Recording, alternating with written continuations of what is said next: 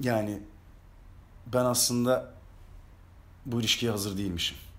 Sanırım ben hala uzun ilişkinin etkisinden kurtulamadım. Ben seni mutlu edemem. Sana bunu yapmak istemiyorum. Kendime zaman ayırmaya ihtiyacım var. Özür dilerim. Bu klişeleri duymak istemiyorsan şok şok şok. Sana çok özel bir formülümüz var.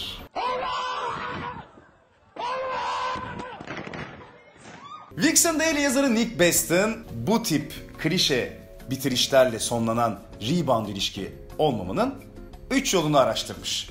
Şimdi önce rebound ilişki nedir onu anlatayım. Rebound ilişki hani basketbolda nasıl top potadan seker döner. Onu son bir alıp basketi denersin. Rebound ilişki o uzun bir atış atmışsındır. Uzun süren bir ilişkin vardır ve o ilişkiden çıktıktan sonra artık dönen topu son bir alayım acaba sayı olur mu diye bir sonraki ilişkinde kendini o çok aşık hissetme hali. Çıkar çıkmaz kendine dünyanın en büyük aşkını bulduğunu zannettiğin o ilişki var hani bildin onu. Ya da sevgilin seninle olan ilişkisini bitirdiği anda hemen yepyeni işte biraz sana benzeyen ya da senin tam tersin filan böyle bir tiple birlikte oldu ve çok büyük bir aşk yaşanıyor. Ama o böyle ondan sonra yokuş aşağıya inip bir anda kavgalarla ve birbirini büyük hırpalamalarla biten ilişkilere rebound ilişki deniyor. Yani eski uzun ilişkinde yaşamış olduğun o duygusal yoğunluğu unutabilmek ya da en azından kendine bunun bir mikrosunu yani potadan dönen top kadar olanını yaşatabilmek için başladığın ve sürdürdüğün ilişki biçimi.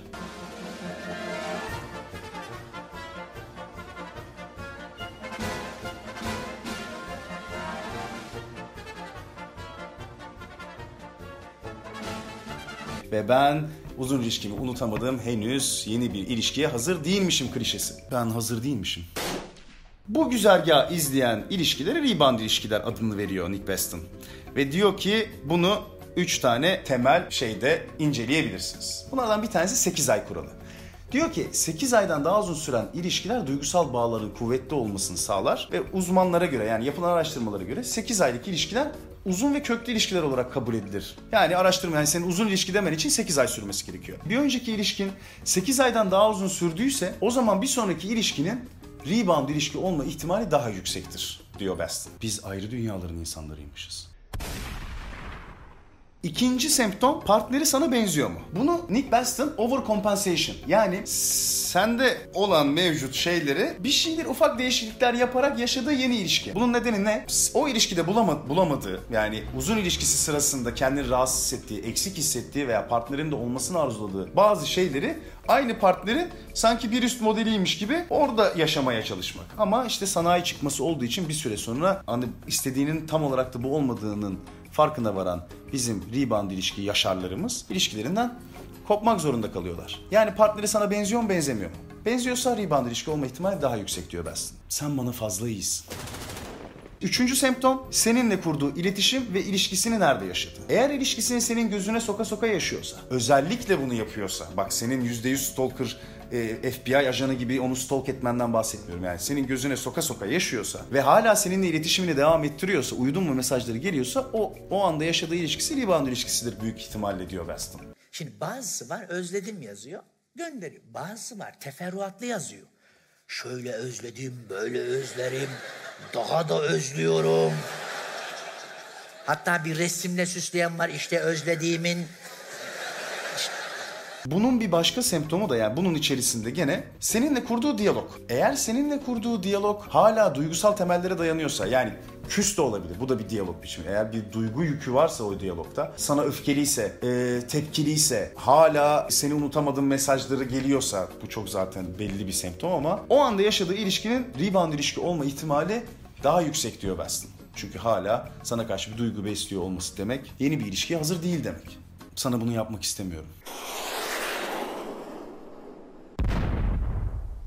Yani burada yazık mağdurlar var. İşte burada o yazık birkaç ay sonra onlar ne yazık ki hunharca ilgisizliğe maruz kalacaklar. Ve en sonunda her şey ben sanırım hazır değildim. Uzun ilişkiden çıktıktan sonra biraz kendimle baş başa kalmaya ihtiyacım vardı klişesiyle bitecek bir ilişkiye doğru gidiyor demektir. Ee ne demişler? Uçurumun kenarında bile olsan sırf hayata gıcıklık olsun diye gülümse. Kaç kaç kaç kaç. Yürü yürü. Allah ölümün bile ayrılısını versin. Manyak be. Pislik. Ama neticede herkes birine rebound ilişkisi olacak. Yani bundan kaçamazsın. O rebound ilişkisi olanların sonra belki gerçek ilişkileri olacak. Şimdi o rebound ilişkiyi yaşamadan gerçek ilişkiyi nasıl yaşayacak? Çok da kurcalama. Bu işler ince işler. Hayat yaşa. Bizi takip etmeyi de unutma. Öptüm bay. Bugünkü konuğumuz bize kedilerin cinsel hayatından bahsedemeyecek. Çünkü kendisinin çonçonları yok. Panda. Şşt. Şşt. Koca göbek. Ne yaptın? Acıktın mı? Acıktın mı? Hı? Hı? Acıktın mı oğlum? Hı? Tombik. Panda evrimini tırnaklarını ve dişlerini geliştirerek değil, yanaklarını geliştirerek gerçekleştirmiş. Çünkü en iyi hayatta kalma yönteminin insanlara şirin görünmek olduğunu biliyor. Şimdi baksana şunu sokağa bıraksan bunu var ya bir saatte alırlar ya. Bak hayvanın hiç şeye avlanmasına gerek yok. Değil mi oğlum? Aferin zeki oğlum benim. Akıllı oğlum benim. Kalender oğlum benim. Tipe koş.